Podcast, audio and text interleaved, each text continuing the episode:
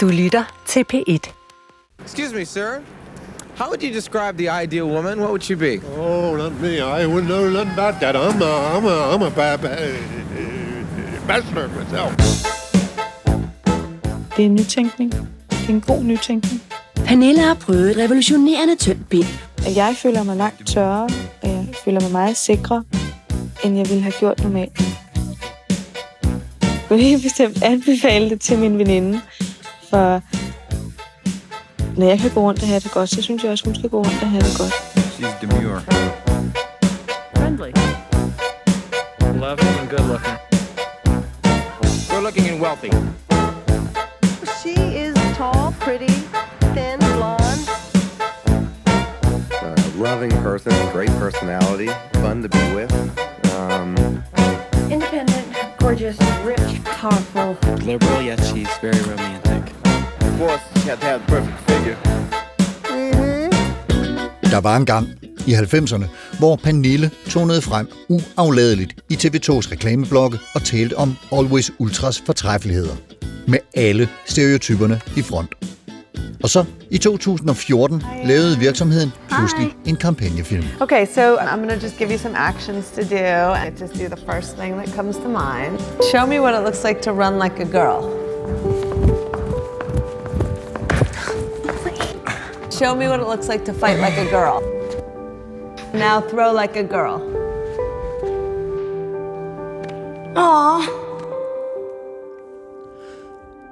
Velkommen til Supertanker. Jeg hedder Carsten Nordmann. Be ready for instant action.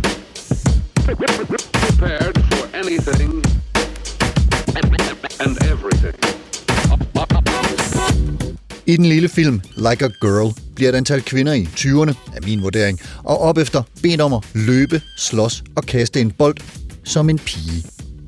For manges vedkommende er stereotyperne intakte. Løse håndleder, lidt karikeret vuggende. Dernæst ser man yngre piger, 10-15 vil jeg tro. Her er bevægelserne de samme, som man traditionelt forbinder med den måde, mænd løber, kæmper og kaster. De lidt ældre kvinder i filmen har lært, at kvindelige eller pigede bevægelser ser ud på en bestemt måde, som adskiller sig fra mandlige, drengede bevægelser. De yngre kvinder synes at være vokset op i en verden, hvor stereotyperne er i færd med at blive visket ud.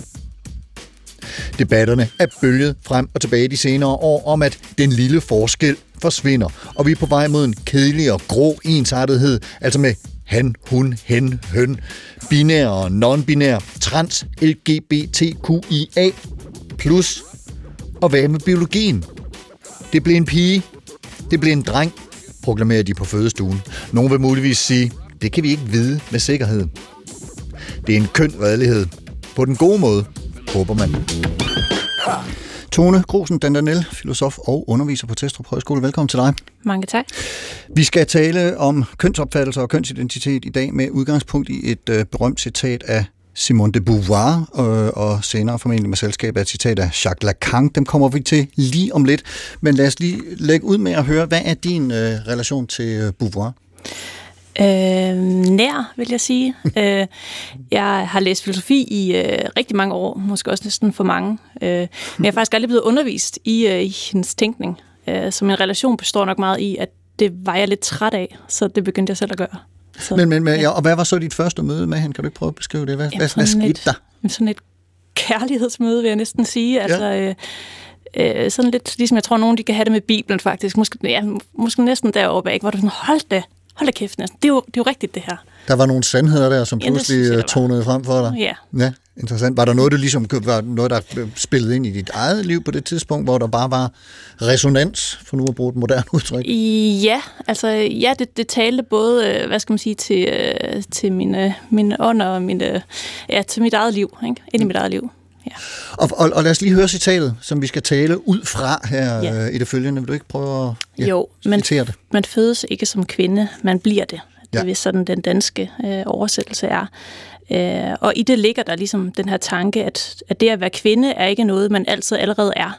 Det er ikke øh, sådan noget, som man ligesom kan hente ned fra idéernes rige eller finde i biologien. Det er derimod noget, der ligesom øh, men noget, man bliver til i mødet med sin verden og i fortolkningen af den verden. Og lige præcis det her, det kommer vi til øh, at folde øh, meget mere ud hen af vejen. Men altså, man fødes ikke som kvinde, men bliver det. Det er kort og ind til benet, må man sige, og vi folder det altså ud i løbet af de næste tre kvarters tid. Sammen med dig, Lilian Munk Røsing, lektor i litteraturvidenskab ved Københavns Universitet. Velkommen til dig. Tak. Og hvad er din relation til Beauvoir? Jamen lige nu er den intens, fordi jeg lige sammen med min mor har lagt sidste hånd på oversættelsen af hendes barndoms- og ungdomserindringer. Øh, en ung, velopdragen piges erindringer. Og øhm, ellers så vil jeg sige, at jeg i sådan mit professionelle virke støtte relativt sent på Beauvoir. Jeg kan måske sige lidt som tone, det var ikke noget, jeg blev undervist i. Men jeg havde også i min studietid egentlig en...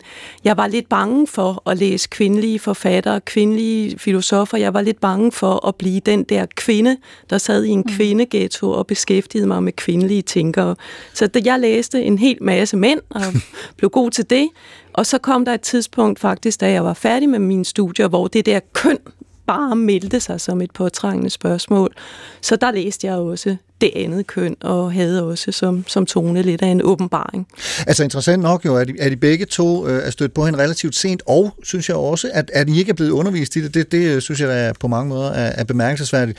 Jeg tænker på, hvordan hun selv, nu har du været inde i hendes erindringer der, Lilian, øh, er, der, er der en tidlig vækkelse for hende, eller kommer hun også sent ind i, i hvad man kunne kalde den her kønsidentitetsovervejelse? Er der, er der noget fra de ja, erindringer, som kan tale ind i det, vi skal tale om her?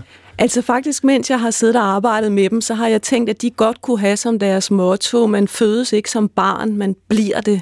Altså det vil sige, der er hele tiden den der opmærksomhed. Hun skildrer en pige, der lige fra hun er meget, meget lille, er meget, meget opmærksom på det sociale blik, og på, man, hvordan man ligesom skal stille sig i positur for det. Så spiller hun den lille dygtige skolepige, så spiller hun den lille religiøse pige. Og, så den der, øh, altså bevidsthed om, hvordan man bliver til og former sig i mødet med nogle sociale forventninger og på en eller anden måde hele tiden poserer for de andres blik. Det er noget, som lille Simone har haft med sig helt fra starten. Og, og, og det er interessant, at du bruger ordet, at hun spiller det ene og det andet, med, som i, i uh, hvad skal man sige, moderne lingo, at det, man performer sit køn uh, mm. på en eller anden måde, som, yeah, som jo yeah. også er noget, der, der ofte bliver fremhævet. Hele din interesse uh, for, for kønsidentitetssamtalen, uh, hvordan er den opstået? Hvad, hvad trak dig i den retning? Jamen, jeg tror, der var det der egentlig en personlig erfaring eller erkendelse af, at mit fag historisk set var en slags mandeklub, som jeg nu stod som kvinde og søgte om adgang til. Og det havde, ja, ikke, og det havde jeg så gjort sådan set ved at blive rigtig dygtig til de mandlige forfattere, den mandlige kanon, de mandlige tænkere. Og så meldte det her spørg- spørgsmål om kønnet sig bare. Ikke? Og så, men netop som det her med, jamen det er for mig at se, er og bliver det et kæmpe filosofisk spørgsmål, som er lige så vigtigt at tænke over som tiden og døden og eksistensen.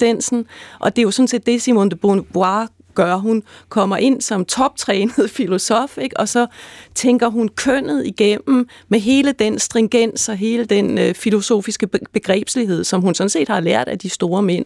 Og det, det bliver revolutionerende.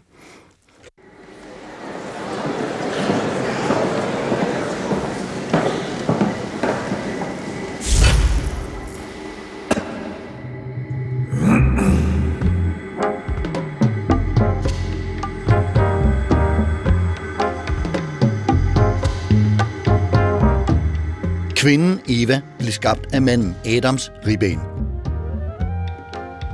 Eva lokkede Adam til at tage en bid af frugten på kundskabens træ i paradisets have. Det havde Gud forbudt dem, og derfor blev de kyldet ud. Og ikke nok med det, Gud sagde til kvinden, jeg vil gøre dit svangerskab plagsomt og pinefuldt. I smerte skal du føde dine børn. Du skal begære din mand, og han skal herske over dig. No one knows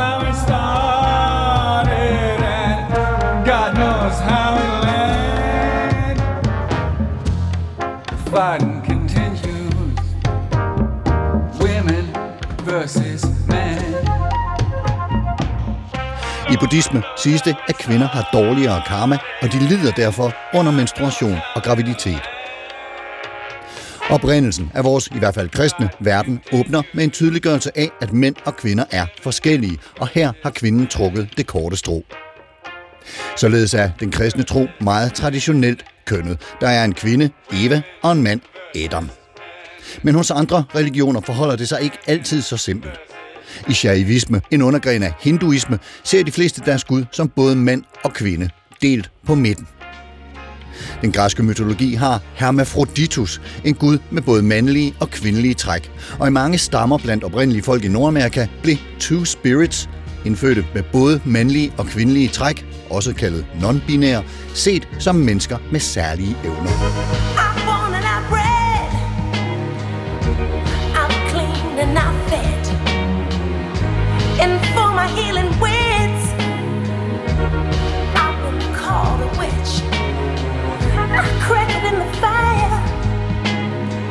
and been called a liar. I've died so many times, I only just coming to life. Woman, this is a woman's world. This is my world. Woman. Hvad skal mænd og kvinder mene om det at være mænd og kvinde i vort 20. århundrede, hvor så mange af vores gamle forestillinger må fornyes? Sådan indleder den amerikanske antropolog Margaret Mead sin bog Køn og kultur, som er skrevet i 1949, samme år som Simone de Beauvoirs Det andet køn. En bog skrevet i dag om køn og kultur kunne sagtens indledes på samme måde med udskiftet århundrede. Can't take it when you're begging for me to walk around naked. Can't stand it when you're planning on a cruise without you even asking. I can't fake it, cause I hate it. But you always seem to persuade me. You say a lady needs to have a man to wax her very bones. It's out of mind.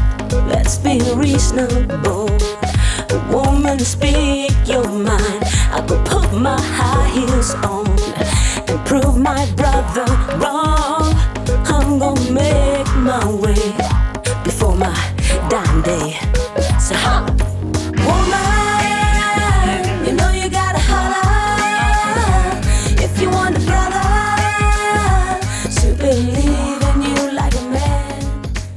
I Kanada og flere steder i USA kan man i sine officielle dokumenter vælge at skrive et X i stedet for at vælge køn. Og flere lande, som for eksempel Australien, Indien og Pakistan, har officielt en tredje kategori.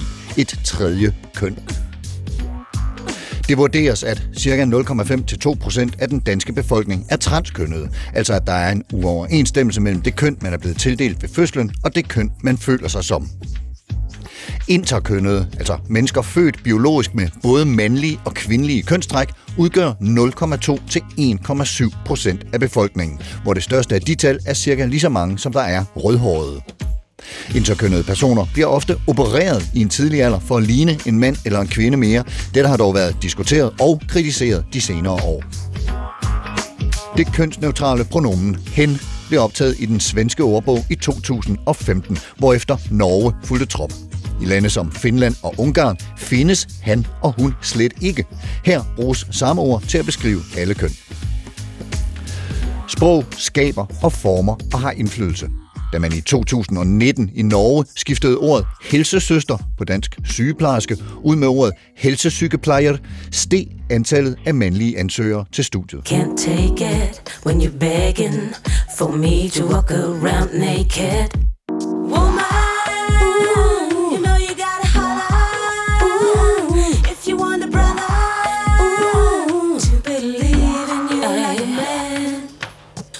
Og lad os slutte af på et citat af historikeren og forfatteren Yuval Noah Harari fra hans bog Sapiens.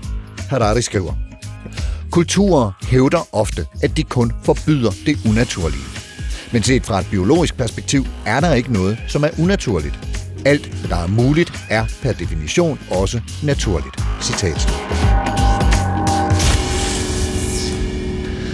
Tone Grosen Dandanel, øh, det her citat af Simone de Beauvoir, man fødes ikke som kvinde, man bliver det. Vil du ikke øh, fortælle os, hvor og hvornår det stammer fra? Jo, øh, det stammer fra øh, Beauvoirs hovedværk, Le Deuxième Sex, eller på dansk Det andet køn, fra, som du også sagde, øh, 1949.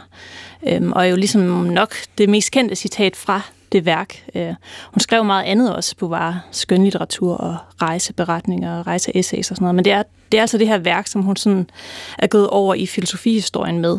Øhm, og hvis vi lige skal sige lidt om Beauvoir først. Øh, ja, hun, er en fransk, hun var en fransk filosof, som blev opvokset, som voksede op i en katolsk familie, som en del af det bedre borgerskab i Paris. Øh, og var, var selv øh, ateist, øh, og var utrolig, utrolig dygtig til filosofi. Altså hun bestod med de bedste karakterer fra det universitet, som hun, øh, hun, hun gik på, med de bedste karakterer næst efter Jean-Paul Sartre, som var hendes øh, livspartner. Han fik så det bedste, men hun fik det næstbedste.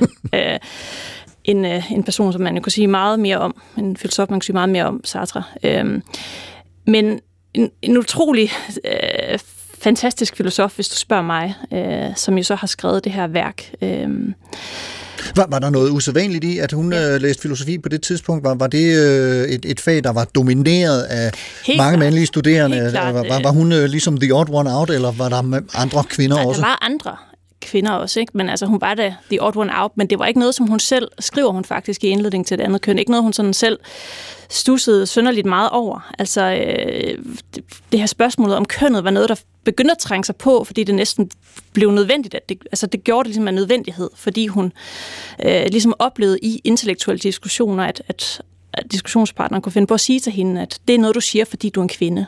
Altså hvis hun sagde et eller andet øh, filosofisk, deltog i en filosofisk debat, så blev kønnet ligesom brugt som indvending mod hende. Okay, hvad er det for noget kvindeligt noget at komme anstigende med ja, her allerede? Ikke? Altså, og du mener bare det her om frihed, fordi du er kvinde. Det er ja. nok, er det den der tid på måneden, kunne man også forestille sig, man kunne sige. Ja. Ikke? Så kønnet blev ligesom sådan en indvending, og med kønnet selvfølgelig kvindekønnet. Ikke? Og, og det var ligesom det, der sådan satte hende i gang med at skrive det her værk. Hvad er det for noget? Ikke? Hvorfor er det, at det at være kvinde ligesom står i opposition til filosofi til sandhed og så videre. Og så er det så, hun sætter kønnet på sådan det filosofiske landkort, kan man sige, gør det til et filosofisk spørgsmål øh, med det andet køn. Så det er jo, øh, det, det var det ikke inden. Ikke? Så var, det gav ligesom sig selv, kønnet det er kvinden, ikke? Øh, og manden det er så mennesket. Og det, det er bare det, hun giver for fuld udblæsning i det her værk. Og, og, og det her værk, det er jo så fra 1949, ja. og, og Beauvoir er født i 8, så, så hun har været øh, lige begyndelsen af 40'erne, øh, da, da den her bog udkommer. Nu ved jeg ikke, hvornår hun er gået i gang med at skrive den. Det kan være, at det fremgår af hendes erindringer, Lilian. Gør det det? Og, nej, og noget om, nej. nej, fordi de går jo faktisk ikke så langt op. Det er, det er barndom og ungdom, ikke? så de slutter stort set, da hun møder Sartre. Mm. Øh, ja, Ja. Men, men kan I prøve måske i fællesskab at sige mm. lidt om den tid, som hun så skriver i der i, i, øh, i, i 40'erne, og hvad, hvad, hvad er sådan sæt scenen for tilblivelsen af den her bog, og, og dermed også det her citat? Ja, altså det var jo virkelig en anden tid dengang, ikke? Det var en den her tid, bog som udkom. Siger, ja. ja franske kvinder havde på det her tidspunkt ikke lovlig adgang til abort, for eksempel. Øh, det fik de først i 1967. Nej, adgang til prævention det fik de først i 1967, og abort fik de først i 75. Så det alene er jo altså faktisk en ret stor forskel fra i dag. Ikke? Der var man virkelig prisgivet sit køn øh, i en helt anden forstand. Ikke? Og det var også en tid, hvor der endnu ikke var nogen kvindelige regeringsleder i verden. Øh, så det var virkelig, øh, det, det kom der vist først i, jeg tror det var i 1960'erne og i Frankrig i 1990'erne. Så det var en verden, hvor kvinden virkelig var det andet køn. Ikke?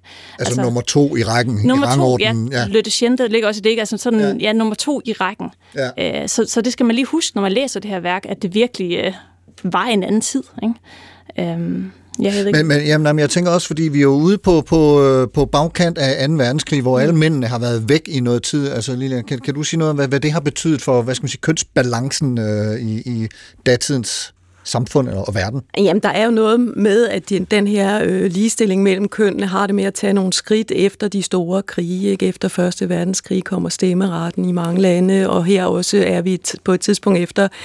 verdenskrig, hvor øh, altså den der scene, hvor mændene er ude at kæmpe, og det er sådan set kvinderne, der er tilbage og skal tage sig af det hele, tror jeg også har betydet noget for, at, øh, at, at spørgsmålet om ligestilling mellem køn, eller at kvinderne tager og får stemme, ikke? Ja. Altså, der er simpelthen en tendens til, at, at de tilbageblivende kvinder træder mere i karakter rent samfunds indflydelsesmæssigt øh, i, i sådan nogle situationer? Der? Jamen, jeg tror, der er sådan nogle helt konkrete historier om, jamen, det er dem, der overtager forskellige arbejderpositioner. Øh, altså, det er dem, der skal holde en produktion i gang, ikke, mens mændene er, er ude. Så, ja. Altså, nu er jeg ikke historiker, så det er egentlig ikke min ekspertise, men, nej, nej. men øh, jeg erindrer nogle øh, jagttagelser i den retning, ikke, at der sker nogle håb efter de store verdenskrige. Mm. Hvad, hvad var reaktionerne på bogen, da den udkom, Tone? Og hvordan reagerede Simone de Beauvoir på de reaktioner der? Kom. Ja, ja, altså både begejstring og fordømmelse, ikke? Jeg mener, ja. nu er jeg altså heller ikke historiker, men jeg mener derved, at paven fordømte bogen, altså det andet køn, ikke? Altså, Okay. Ja, alene det her abortspørgsmål er jo, øh, Mm. var også ret presserende. Mm. Så, så det var ligesom, øh, det gik ligesom begge veje, ikke? Øhm, men det er også som om, at det er en bog, som sådan for alvor fik vind i sejlene, sådan med øh, det, man kalder sådan... Øh, rødstrømpebevægelsen, ikke sådan øh, anden bølge feminismen. Altså sådan i 70'erne, der var det virkelig sådan, der blev det virkelig taget op som sådan en teoribogen og øh, nærmest sådan en bibel. At Det var med den i, øh, i hænderne, at øh, feministerne de sådan gik i gaderne ikke, og kæmpede for ja, retten til fri abort. Mm. Og Beauvoir gik sådan set selv ved siden af dem i gaderne. Ikke? Mm. Øh, så, så så senere, altså også som at bogen blev oversat først til engelsk, og også, jo også til dansk, hvor vi senere fik den, ikke? Altså, så, så skete der jo rigtig meget. Men, men, men, men hun, hun, hun skriver simpelthen om øh, abortspørgsmålet øh, spørgsmålet i, øh, i bogen. Hvis Ja, jeg, ja, det gør hun. Altså, øh, det er helt vildt, hvor meget hun egentlig skriver om. Ikke? Altså, bare lige nu her igen, hvor jeg lige dykket ned i, i andet bind. Altså, man, man, man finder jo virkelig øh, næsten alle facetter af sådan øh, kvindetilværelsen beskrevet. Øh, det, det, det er utroligt sådan øh, øh, dybt, så at sige. Ikke? Ja. Ja, og det er jo simpelthen hendes, altså hun har jo sådan en form for løsning eller en anbefaling, mm. ikke? Hun når frem til, hvad skal der til for, at, at kvinden kan komme ud af det her moras med at være henvist til andetheden eller immanensen. Mm. Der skal øh, prævention, der skal fri abort, der skal øh, økonomisk selvstændighed for kvinden, og så nej tak til ægteskab. Ikke? Hun har en, en øh, ret, slutter af med sådan en ret præcis udpegning af, hvad det er, der skal til. Og man kan sige, at vi skal jo op til i 70'erne, før mm. Abort og prævention øh, bliver reelle muligheder. Ikke? Så, så, så det her øh, bibelcitat, som jeg lige havde med i det båndede indslag for et øjeblik siden om, at, at, at manden skal herske over kvinden, det øh, gør hun øh, rimelig hårdt op med der. Ja, det må man sige, ikke? Ja. fordi det er, jo, det er jo det, hun viser i den her bog, hvordan det, nu talte vi om, at det andet køn, det ligesom betyder køn nummer to i sådan et hierarki, men det betyder jo først og fremmest det her med, at kvinden simpelthen, det er andetheden. Mm. Det er andet med stort A Ja. for manden, ikke? Øh, og det er... Hvor manden så er det oprindelige ægte, og det andet... Manden er, er subjektet, manden er den, der har projekter, ikke? og hun Ja. ja. forklarer det meget med de her to begreber, transcendens og immanens. Manden har transcendensen, det vil sige den her evne til at gribe nuet, forme fremtiden, have projekter, række ud over sig selv. Og kvinden er henvist til immanensen, det vil sige, hun har sådan en væren for sig, lukket i sig selv og sin egen krop. Og det har hun øh, ifølge Beauvoir på grund af sin forplantningsevne. Det er altså æggestokke og livmor, der ligesom holder kvinden Definerer fast det, i, ja. i sumpen. Ikke? Og det er også derfor, hun ligesom siger, skal vi ud af sumpen, så skal vi have abort, vi skal have prævention, vi skal sige nej tak til ægteskab. Og, og det her med transcendens og immanens, det kommer vi øh, mere ind på øh, om et øjeblik efter det her.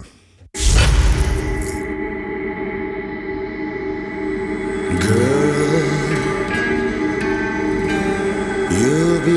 woman soon. Jeg hedder Cecilie Nørgaard, og jeg er uddannelses- og kønssociolog og er indehaver af et firma, der hedder Mangfold. Cecilie Nørgaard udkom i 2021 med bogen Han, Hun, Hen.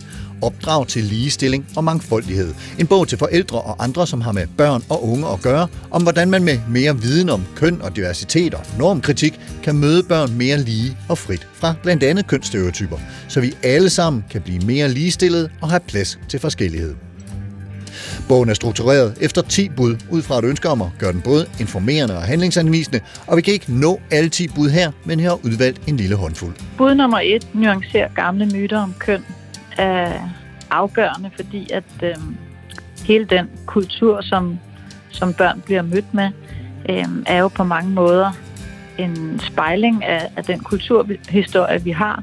Og derfor så er der rigtig, rigtig tit kønsstereotyper repræsenteret øh, og reproduceret i, i de kulturtilbud, der er. Så det med, når man for eksempel læser højt af en bog, et eventyr, ser en film, whatever, hvad det nu kan være, hvor det er, at, øh, at køn eller andre kategorier kommer til udtryk på en meget stereotyp måde, der kan man som forældre eller anden voksen, anden vigtig voksen omkring et barn, være med til at tale om, hvad det er for nogle køn, der bliver repræsenteret, og også nuancere de her myter, der ofte er forbundet med de her kønsstereotyper. Bud nummer to. Tænk over, hvordan du formulerer dig. Altså vores sprog er jo utrolig afgørende for måden, vi forstår verden på. Det er svært at forstå en verden, som vi ikke har sprog for. Øhm, og derfor så er sproget øh, også en måde at enten, kan man sige, konservere gamle forestillinger og myter om køn, men sproget kan også være et redskab til at forandre virkeligheden, for eksempel i en mere ligestillet og divers retning. Så det her med, hvordan man bruger sproget, øh, er jo også en måde at vise, hvad der er for eksempel for en kønsopfattelse, man har. Og hvis man reproducerer de myter, der kan være i sproget, som for eksempel hvis man siger øh, tøsefnider eller drengestreger, eller hvad det nu kan være, hvor der er, køn kommer til udtryk, eller kønsopfattelser kommer til udtryk i sproget, så er det også en måde, man kommer til at reproducere de her myter på. Bud nummer 4. Respekter barnets valg handler om, hvordan vi kan møde egne fordomme og forventninger til køn i forhold til børnenes valg, og kan opleve at stå med en oplevelse af at skulle rette ind efter noget, som strider mod en traditionelt set stærk norm i os. Det tænker man ikke så meget over, når det er, at børns valg knytter sig til de normer, vi har i vores kultur. Men det falder tit øh, udenfor og bliver tydeligt, når det er, at børns valg ikke knytter sig til de normer, som vi har i vores kultur. Og det kan for eksempel være, når drenge gerne vil klæde sig ud som prinsesser. Øh, at, at det, det er godt at bakke op om, når børn gerne vil noget, uanset om det falder indenfor eller uden for normerne. Fordi det er en måde at sige til sit barn, du er god nok, og de valg, du træffer, er fine nok. Og for eksempel med udklædning, så er det jo øh, altså ufarligt, om man klæder sig ud som det ene eller det andet. Det tredje, det ved vi godt alle sammen, men vi glemmer det rigtig ofte, når det er, at drenge øh, ønsker at klæde sig ud i noget, som, som refererer til noget feminint.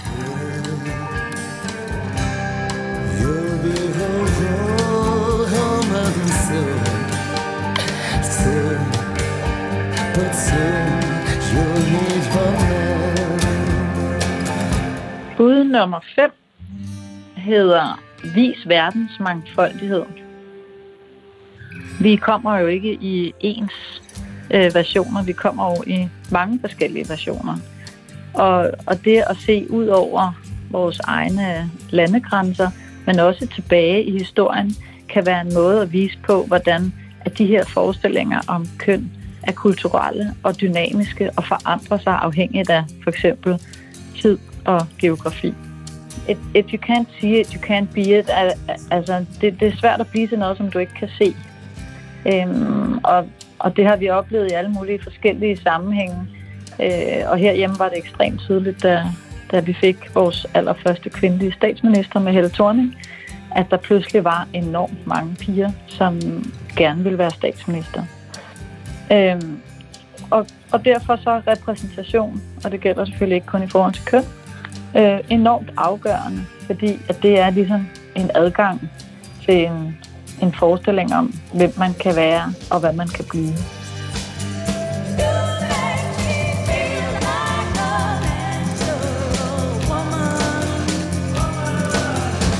Bud nummer 10. Start med dig selv. Øh, selvom det er det sidste, måske det vigtigste. Fordi øh, nu havde vi lige et, øh, et engelsk citat, og et andet godt engelsk citat er walk the talk.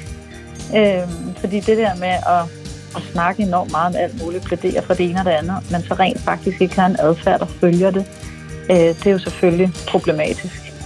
Og, øh, og rigtig meget af, kan man sige, måden, hvorpå børn bliver til, er ved at spejle sig i voksne menneskers adfærd. Og særligt selvfølgelig dem, som står dem aller tættest.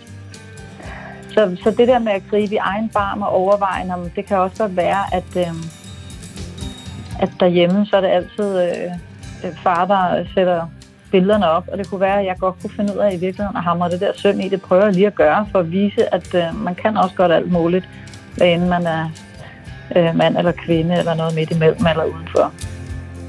Girl, you'll be a woman soon. Jamen altså, i det hele taget, så er altså Beauvoir og det citat jo, kan man sige, en del af det, som, som jeg og mit arbejde står på skuldrene af. Øhm, og den her bog jo også er et, kan man sige, et, en, en moderne operationalisering af. Fordi det, som, som citatet siger, er jo, at at vi skaber også de køn, vi ser.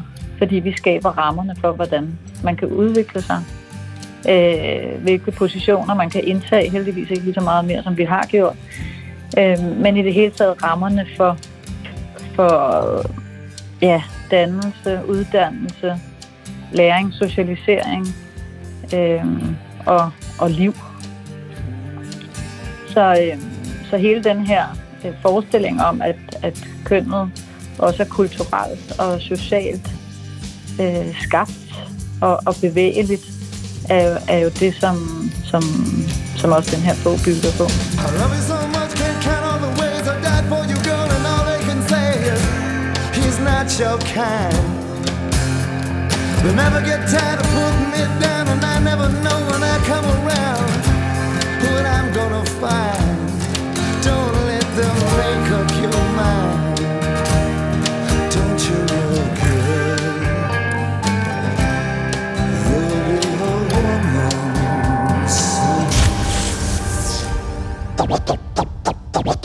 Would you mind saying that again? Man fødes ikke som kvinde, man bliver det. Sådan skrev den franske filosof Simone de Beauvoir i sin bog Det andet køn, Le Deuxième Sex, i 1949. Og det vil sige andet her i betydningen nummer to, altså efter nummer et, som er mand, og også andet, som vi lige hørte en af dagens gæster, Lilian Munk fortælle andetheden over for den, hvad skal man sige, oprindelige øh, essensen manden, altså ifølge Beauvoir. Og i 1972 udtaler den cirka jævnaldrende psykoanalytiker Jacques Lacan, La femme n'existe pas, kvinden eksisterer, findes ikke. Og hvordan de to udsagn taler med hinanden, det kommer vi til øh, om et øjeblik, men, men øh, vi åbner, eller fortsætter lige øh, analyseballet med at grave os lidt mere ind i øh, Beauvoirs Man fødes ikke som kvinde og øh, Tone Grosen Dandanelle. Mm. Hvis du skal prøve at, at give sådan en, en filosofisk udlægning af, hvad det er, Beauvoir siger med, med det her citat, hvordan vil du så øh, gøre det? Ja, altså hvis vi igen lige forestiller os, ja, fødslen af et barn, ikke? Altså, øh, et barn kommer til verden, og så kan man så måske høre jordmoren eller fødselslægen sige, se det en pige, eller se det en dreng, mm. ikke? Øh, som, som de nu kan sige. Og, og i det kan der også ligge, har man så traditionelt tænkt, okay, men så er det faktisk en pige, eller det er faktisk en dreng. Altså det er faktisk noget, man fødes som, øh, på grund af biologien, eller på grund af, at det nu engang er det, vi har foran os her. Og det, som Beauvoir så ønsker at vise, det er, at så simpelt er det ikke. Derimod er den forestilling, eller den fortælling, øh, været del af øh, et, et, det har været en måde at holde kvinden fast i, nogle, en, i en særlig betydning. Ikke? Okay, se, det er en pige. Okay, så har hun nok en livmor. Jamen, så er hendes bestemmelse nok at være mor. Øh, og, og det, hun så ønsker at vise, det er, det, det er faktisk ikke det. Der er derimod nogle særlige historiske betingelser, der er skyld i, at, at det er det her, vi forbinder med det at være øh, kvinde eller mand. Ikke? Og det, hun så gør i det andet køn, det er ligesom at udlægge den historie. Det gør hun i, i det første bind af bogen. Ikke? Hvorfor er det, at kvinden er ja, ikke bare nummer to, men altså også andetheden? Ikke? Hvorfor er det, hun ligesom sådan er det, der falder ved siden af det menneskelige? Øhm, det er det, hun viser i første bind af det andet køn, og i nummer to, eller andet bind af det andet køn, viser hun så ligesom, hvad det har af betydning i sådan det enkelte kvindeliv. Hvordan vi sådan hver især øh, opdrages til øh, at tage en særlig forståelse af, hvad det vil sige at være kvinde på os. Ikke? Øh, og også hvor, hvorfor, hvorfor vi selv gør det. Også at der kan være fordele i at gøre det. Ikke? Det er ikke bare sådan en, øh, en lang kritik af mænd, hvad det så vil sige, det her. Det er, det er simpelthen sådan ret, altså det er ikke bare ret, det er sådan en filosofisk præcis beskrivelse af, hvad der er, der sker, når man bliver til en kvinde. Og jeg, jeg kunne godt tænke mig, nu, øh, nu, nu brugte du vendingen, at det er barnets bestemmelse, eller pigens bestemmelse, mm. fordi hun har en livmor, at blive mor. Mm. Øh, og, og der er noget, som taler ind i den øh, filosofiske øh, gren, eller hvad vi skal kalde det, som, som, som Simone de Beauvoir var en del af, nemlig yeah. eksistentialismen. Yeah. Det her med, hvad der er essens, og hvad der er eksistens. Vil du prøve yeah. at tale om det? Ja, øh, ligesom Beauvoir er kendt for at sige det her med, at man fødes ikke som kvinde, man bliver det, så er ham, vi nævnte før, nemlig Jean-Paul Sartre, måske mest kendt for at have sagt, at eksistens går forud for essens. Altså den her tanke om, at det faktum, at vi er her, går forud for, hvad vi er her som. Ikke? At vi fødes ikke med en eller anden særlig opskrift på, hvad det vil sige at være lige præcis os, eller lige præcis kvinde eller mand. Det er derimod noget, der ligesom bliver til i kraft af de handlinger, vi foretager os. Det er virkelig sådan en forestilling om, at mennesket er radikal frihed. Altså, væren er simpelthen frihed. Så kønnet er ligesom noget, vi, øh, vi skaber igennem de handlinger, vi træffer, eller som andre træffer for os. Ikke? Så altså, det er hun fuldstændig med på. Så de, de var jo også livspartnere og tænkte sammen, hende og Sartre. Ikke? Altså eksistens går forud for essens. Og så viser hun så, hvorfor er det så, at vores liv ligesom ender i sådan øh, en særlig forståelse af kønnet. Og det er egentlig den forståelse, hun så ønsker at åbne op for øh, og vise, at det behøves ikke at være sådan, at kvinden er det andet køn. Det kan godt være, at, at hendes krop, som Lille Røsing også sagde før her, ikke, holder hende fast i en immanens. For eksempel menstruation er, kan jo være utrolig hæmmende, ikke? men det betyder ikke, at hun nødvendigvis er det andet køn i den forståelse, at hun ligesom sådan er, er mindre menneske eller mindre sådan ideel, øh, hvis man kan sige det sådan. Ja. Jeg kan godt tænke mig at fortsætte lidt af det der transcendens-immanens-spor, Lina Monrøsing, øh, og, og muligvis også, altså selve de to ord, transcendens, det er noget med overskridelse, immanens er det noget med iboenhed yeah. eller sådan noget? Ja, altså, ja. ja. Kan du prøve at få lidt mere ud, hvad, hvad, hvad det er, tanken med, med at og, ja, bruge de to begreber i det her uh, handler om? Ja, Altså for transcendens, det hører med, det definerer eksistensen sådan mm. set, ikke? både for Sartre og Beauvoir, fordi det er det der, den der evne til at overskride sig selv, til at have projekter, til at skabe noget uden for sig selv. Ikke? Med nogle af hendes formuleringer, så er det muligheden for at herske over nuet og forme fremtiden. Mosle fremad. Øh, ja, og man, man kan tænke på altså, projekt, ikke, som også er et eksistentialistisk ord. Man kan kaste noget ud i fremtiden, uden for sig selv, skabe det. Og, og det er så mandens privilegium i den patriarkalske kultur. Ikke? Mm. Og kvindens immanens, altså hun, hun er jo også, hun bygger jo meget på Hegels begreber, ikke? hvor den her transcendens, det er en væren for sig. Man har en selvreflektion og en evne til at kaste sig selv ud i projekter, hvor øh, immanens, det ville svare til sådan en væren i sig. Man er lukket om sig selv. Det, det er også sådan, man tænker, naturen er i den her tankegang. Derfor associeres kvinden også med naturen. Men altså det, som Beauvoir viser, er jo også, at det er nogle øh, det er netop nogle kulturelt bestemte positioner. Det er ikke sådan, at kvinden slet ikke har evnen til transcendens, men hun er blevet fastholdt i immanensen. Beauvoir har så også, det kommer man nok ikke rigtig udenom, ligesom den her forestilling om, at så længe hun skal være mor, øh, og, og så, så, altså, så, at moderskabet faktisk fastholder kvinden i transcendensen, eller immanensen, ikke? At det, man næsten bliver nødt til at sige nej til det, hvis man skal få del i den det, her Det er i hvert fald vigtigt for hende, at vi får nogle daginstitutioner og den slags. Det skriver hun nærmest direkte. Det er ikke sådan, at, at moren også kan komme ud på arbejdsmarkedet, så hun også kan tage del i transcendensen. Ikke? Ja, ja. ja. ja. Du, du har et øh, ret skønt øh, citat med, øh, Lilian, af Stendhal, øh, forfatteren, øh, som, som måske også taler lidt ind i, i lige præcis det her med, med hvad der er formet, øh, hvordan. Øh, vil, vil du ikke prøve at åbenbare det for os? Det, der er et ret skønt kapitel i første bind. Altså det er jo sådan, første bind, det er ligesom, hvad er det mændene har sagt og skrevet om kvinderne, og andet bind, det er jo så kvinderne, der selv fortæller om deres egne erfaringer. Så det er også den opdeling, der er mellem de to bind. Der er et skønt kapitel i første bind, hvor, som handler om forskellige franske forfattere, og deres syn på kvinder, øh, hvor hun analyserer litterære værker. Og det har jeg selvfølgelig været optaget af som litterat. Sjovt nok et kapitel, der ikke var med i den første danske oversættelse, men nu er det der heldigvis. Jo. Og der øh, citerer hun Stendhal for at sige, at det her, og Stendhal er jo altså den her store romantiske 1800-tals forfatter, stor kvindeelsker, men Beauvoir kan sådan set se, at han også er en stor feminist. Og øh, han siger så noget som, at det at tillægge kvinder kønsbestemte egenskaber, det er lige så tåbeligt som at gå en tur i Versailles-parken og konkludere, at træerne fødes beskovne. Så altså, det, er jo, det er jo en anden måde at sige det på, som, øh, som Beauvoir senere skal sige, som at man, at det, man fødes ikke som kvinde, man bliver det. Ikke? Man bliver ligesom, trimmet til det, ja, på ja, samme måde ligesom, som træerne. Ja, ja, præcis. Ja. Interessant. Og, og så, øh, hvad hedder det, skal vi måske prøve så at, at hive, øh, hvad hedder det, Lacan ind. Fordi øh, det her med, hvad kvinden er, Øh, man fødes ikke som kvinde, men man bliver det. Øh, der, der kommer Lacan så ind og siger, øh, kvinde, mm, not so much, eller måske findes kvinden overhovedet ikke. Hvad, hvad er det, øh, Lacan siger, som i virkeligheden bygger videre på noget af det, øh, Beauvoir siger? Ja, Lacan siger, at kvinden eksisterer ikke.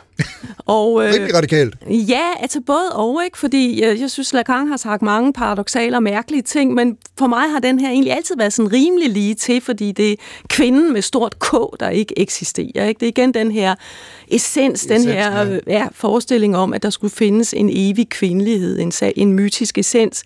Og der er øh, Lacan og Beauvoir helt på linje, tænker jeg, ikke? I, i den her. Det er jo også noget øh, af det gennemgående kuglegravende arbejde, Beauvoir laver i første bind, at hun simpelthen ser på de her myter om kvinden, hvordan hun øh, er blevet forbundet med præstinden, heksen, øh, moder jord. Så vi hørte den i Cherry synge faktisk i, øh, i det båndede indslag for lidt ja, siden. Ja, ja, Heksen og- ja. ja. Og, øh, og hvordan alle de her, øh, ja, altså hvordan det netop er, det er myter, ikke? Altså den her idealitet, forestilling om en kvindelig mm. essens, man kan hive ned fra Platons himmel. Og det, det er sådan set den, øh, Lacan er ude efter, når han siger kvinden med stort K eksisterer ikke. Det er sådan selve kvindelighedens idé. Ja. Det behøver, og, og, altså Beauvoir skriver noget, der er meget tæt på i indledning til det andet køn. Der taler hun faktisk om, at der er i dag stemmer, som hævder, at kvinden ikke eksisterer. Så øh, man kan også godt øh, spekulere lidt i, om, om ikke Lacan øh, har læst sin Beauvoir, ikke, og faktisk har, har hentet øh, nogle af sine formuleringer fra Og, hende. og, og, og nu havde vi så også lige fat i, vi havde lige fat i Stendhal fra, fra 1800-tallet, og en anden af de store øh, 1800-tals tænkere, nemlig Goethe, han har også noget med, med det her øh, evigt kvindelige. Hvad, hvad er det, han øh, formulerer? Jamen, det er ham, der har myntet begrebet om det evigt kvindelige, som også står, jeg tror, 10 linjer inde i Beauvoirs det andet køn, der øh, intonerer hun også med det der begreb, ikke? som jo ligesom bare er blevet indbegrebet om den her romantiske fantasi om, at der findes sådan en særlig kvindelig essens som man så enten kan idealisere, ophøje, tilbede eller øh, fornedre. Og, og det er noget af det, som jeg synes, at Beauvoir også øh, viser fint, ikke? hvordan den her kvindelige andethed, den øh, både forestilles i, i en ophøjet og i en fornedret version. Øhm, og det er altså det, det er et problem. Begge dele er et problem, fordi mm. det, det er et problem at være reduceret til den her andethed, også selvom man øh, bliver gjort det på en måde, hvor man bliver idealiseret og tilbedt og sat op på en pittestal. Det betyder stadigvæk, at man ikke har adgang til det, det her, den her måde at være subjekt på, hvor man har frihed, hvor man kan hæve sig over sig selv, hvor man kan skabe, hvor man kan Hvor man har tænke, arbejde, handle og så videre. Ja. Og, det, og man kan sige, det er meget det, som andet bind af det andet køn jo også handler om. Det er den konflikt, der så opstår, især når en pige går i puberteten, ikke? hvor man ligesom får øh, nys om, at, at det handler altså om at blive til en kvinde. Øh, men først må man et barn, ikke? og man, man, øh, man slås måske, apropos det du sagde, det indslag i starten, slås som et, et barn, ikke? altså bare store armbevægelser, så finder man ud af det at være pige, eller det at være kvinde, det er så at være feminin, det er mere sådan yndefulde bevægelser. Ja. Sådan en konflikt, der kan bestå i sådan, øh, at før, før var jeg jo bare det her barn, der ligesom udforskede verden og legede på legepladsen, og nu handler det altså om, at jeg også ligesom skal vække mandens begær, og nu skal jeg ligesom sådan begrænse mig selv i en vis forstand, ikke? Og, det kan være utrolig øh, svært, ikke? og for, for Beauvoir er det simpelthen sværere at være en, en, en pige, der går i puberteten, egentlig, end en, en dreng. Ja.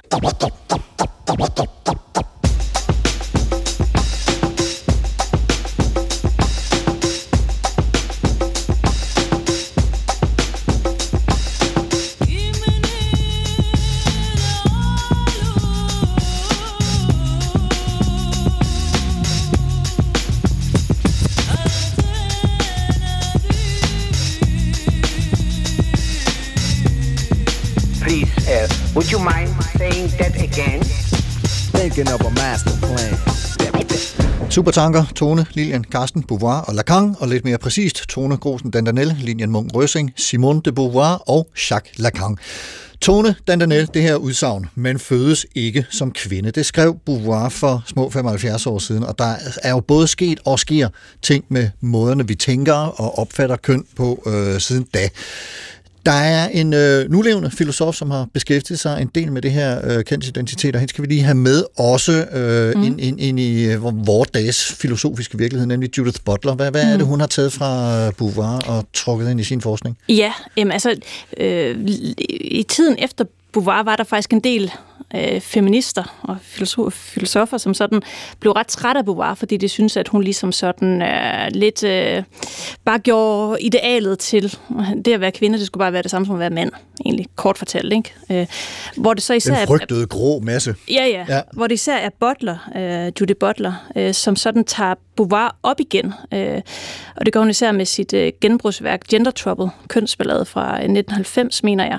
Og hun har selv sagt, øh, Butler, at hun var utrolig inspireret af lige præcis de her ord. Man fødes ikke som kvinde, man bliver det. Og det er sådan bare de ord, der sådan lagde grundstenene til kønsballadet, som jo virkelig også er et, et vigtigt værk. Øhm, og, og man kan virkelig se, altså sådan helt på overfladen kan man se inspirationen. Ikke? Altså noget af det, Butler er mest kendt for, er jo den her tanke om, at kønnet er performativt, eller er performativitet.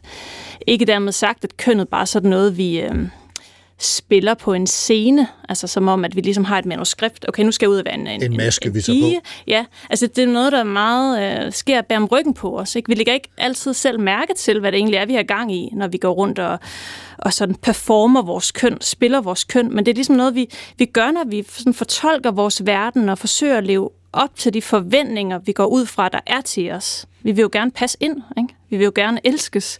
Så, så vi, vi går ligesom rundt og spiller vores køn. Ikke? Øh, og nu er det bare sådan, at når man gør noget tilpas mange gange, altså gentager, altså gentager øh, sine øh, sine, ja, det, det, man spiller, så, så begynder det at ligne en, en sandhed, og måske ja. ligefrem en essens. Øh, og det er ligesom det, Butler forsøger at vise, det er, hvordan den her forestilling om øh, kønnenes essens, som jo stadigvæk er ret stærk, ikke? hvordan den, som Beauvoir jo også tidligt viste, ikke? hvordan det i virkeligheden er resultatet af en gentagende øh, ja, noget vi gentagende gør, men som ikke øh, er en essens. Ja. Øh, Lina Munch, også, hvordan ser du øh, nogle af de her øh, udsagn, både noget af det Butler øh, taler om, og, og selvfølgelig med udgangspunkt i Beauvoir, manifesterer sig i, i vores øh, virkelighed i dag, og de opfattelser, vi har af ja, køn? Jamen det er klart, at øh, hele den her forestilling om kønnet som øh, noget socialt konstrueret, som fik vældig vind i sejlene med Butler fra med 1990, den kan skrives tilbage til, til det her udsagn. Øh, men så tænker jeg, at øh, der er også et eller andet med, hvor, hvor øh, Beauvoir egentlig befinder sig i det her øh, miskmask af biologi mm. og kulturel konstruktion, som, som kønnet er. Ikke? Og, øh, Flydende køn. Ja, ja øh, og, og øh, hun er jo ikke øh, hvad skal man sige, hun afviser ikke, at anatomien spiller med. Hun afviser det, som Freud øh, sagde i et uheldigt øjeblik, måske at anatomi er skæbne. Ja. Altså, øh, hun afviser den determinisme, der kan ligge i det, men hun afviser jo ikke, at man på en eller anden måde også forholder sig til og fortolker sine kropslige vilkår. Øh, og der er, der er også et sjovt sted, hvor hun taler om, at øh, øh, penis er en konkret anskueliggørelse af artens transcendens. Altså hvor hun næsten laver en forbindelse mellem den her transcendens og den mandlige anatomi. Ikke? Og, og det hun så måske ikke gør, men som, som øh, feministiske tænkere har gjort efter hende, det er sådan at sige, nå ja, men er det så sådan, at, at vi ligesom skal hænge transcendensen op på den der penismetafor, og derfor, øh, som du også sagde, Tone, på en måde øh, afsværge vores kvindekrop og blive til en slags mænd for at kunne få adgang til, øh, til den her form for subjektivitet?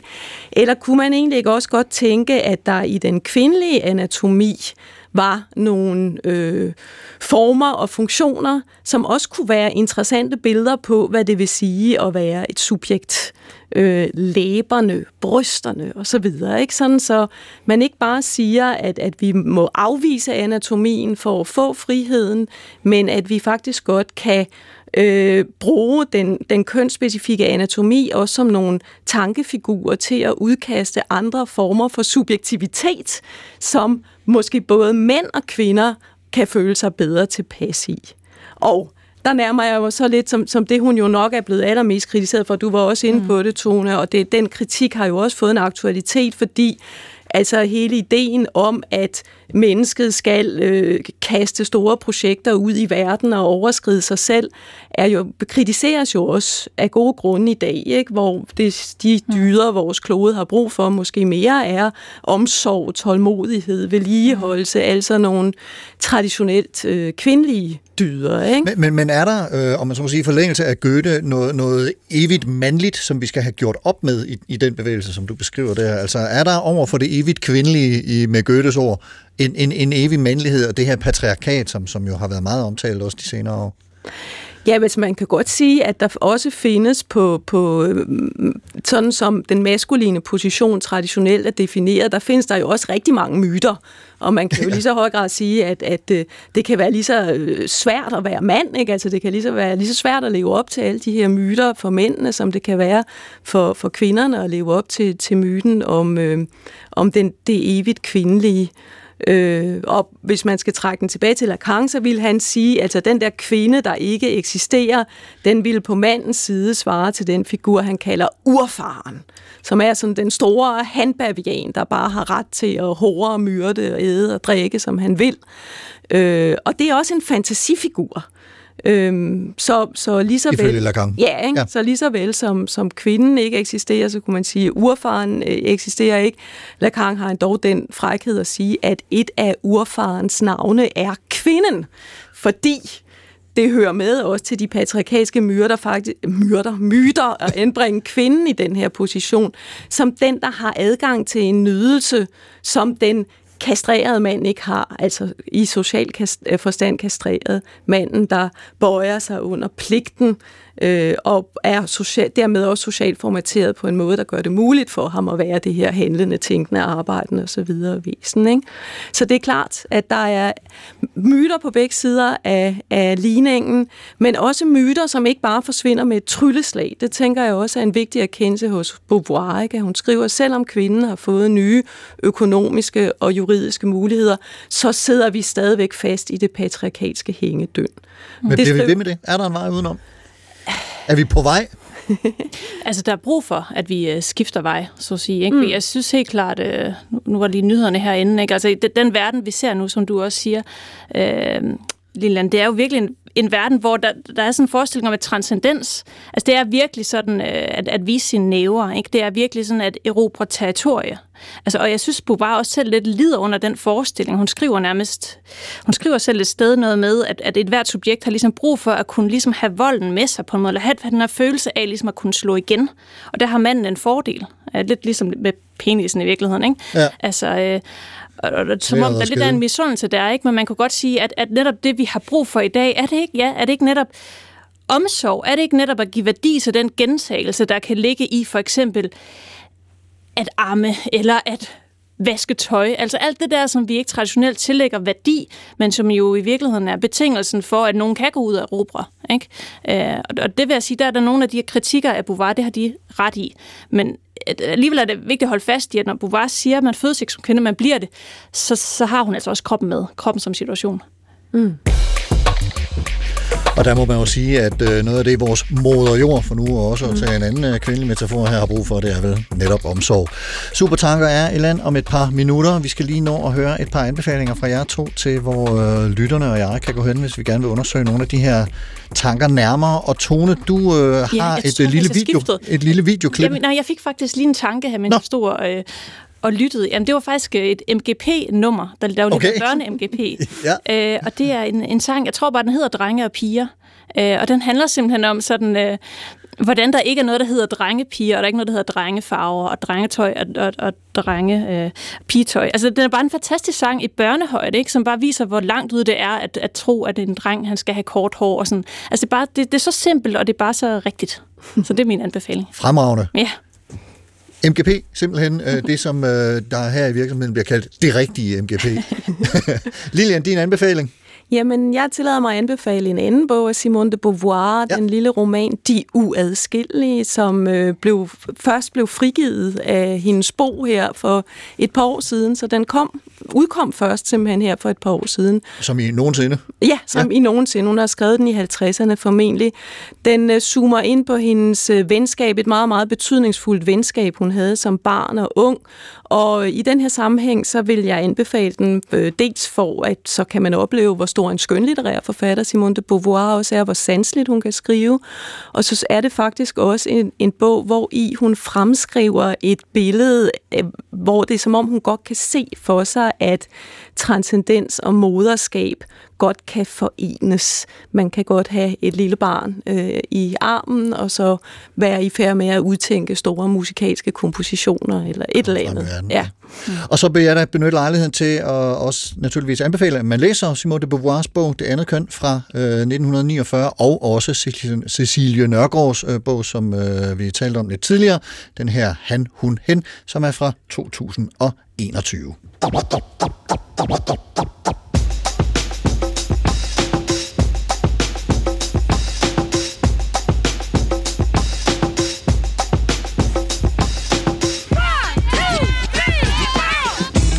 Og det var den super optankning, som vi nåede i dag. Vi er på vej mod land. Tone Grosen Dandanel, filosof og underviser på Testrup Højskole. Mange tak, fordi du kom og var med til at fortælle om Beauvoir og Butler og den betydning, de har i vores verden og syn på mennesker i dag. Selv tak.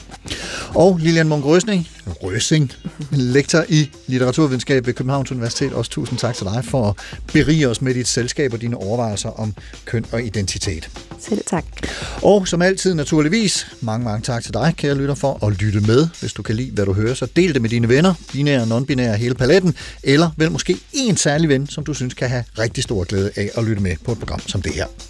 Man kan som altid høre og genhøre den her udsendelse i appen DR Lyd, og hvis du har ris, ros eller idéer til programmet, eller andet du gerne vil kommunikere til mig, så skriv en mail til supertanker eller gå ind på Facebook-siden Carsten Ortmann Radio og kommenter der.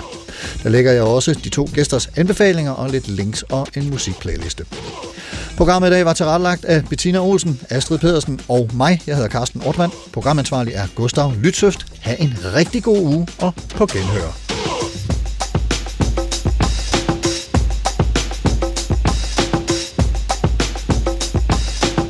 Thinking of a master plan.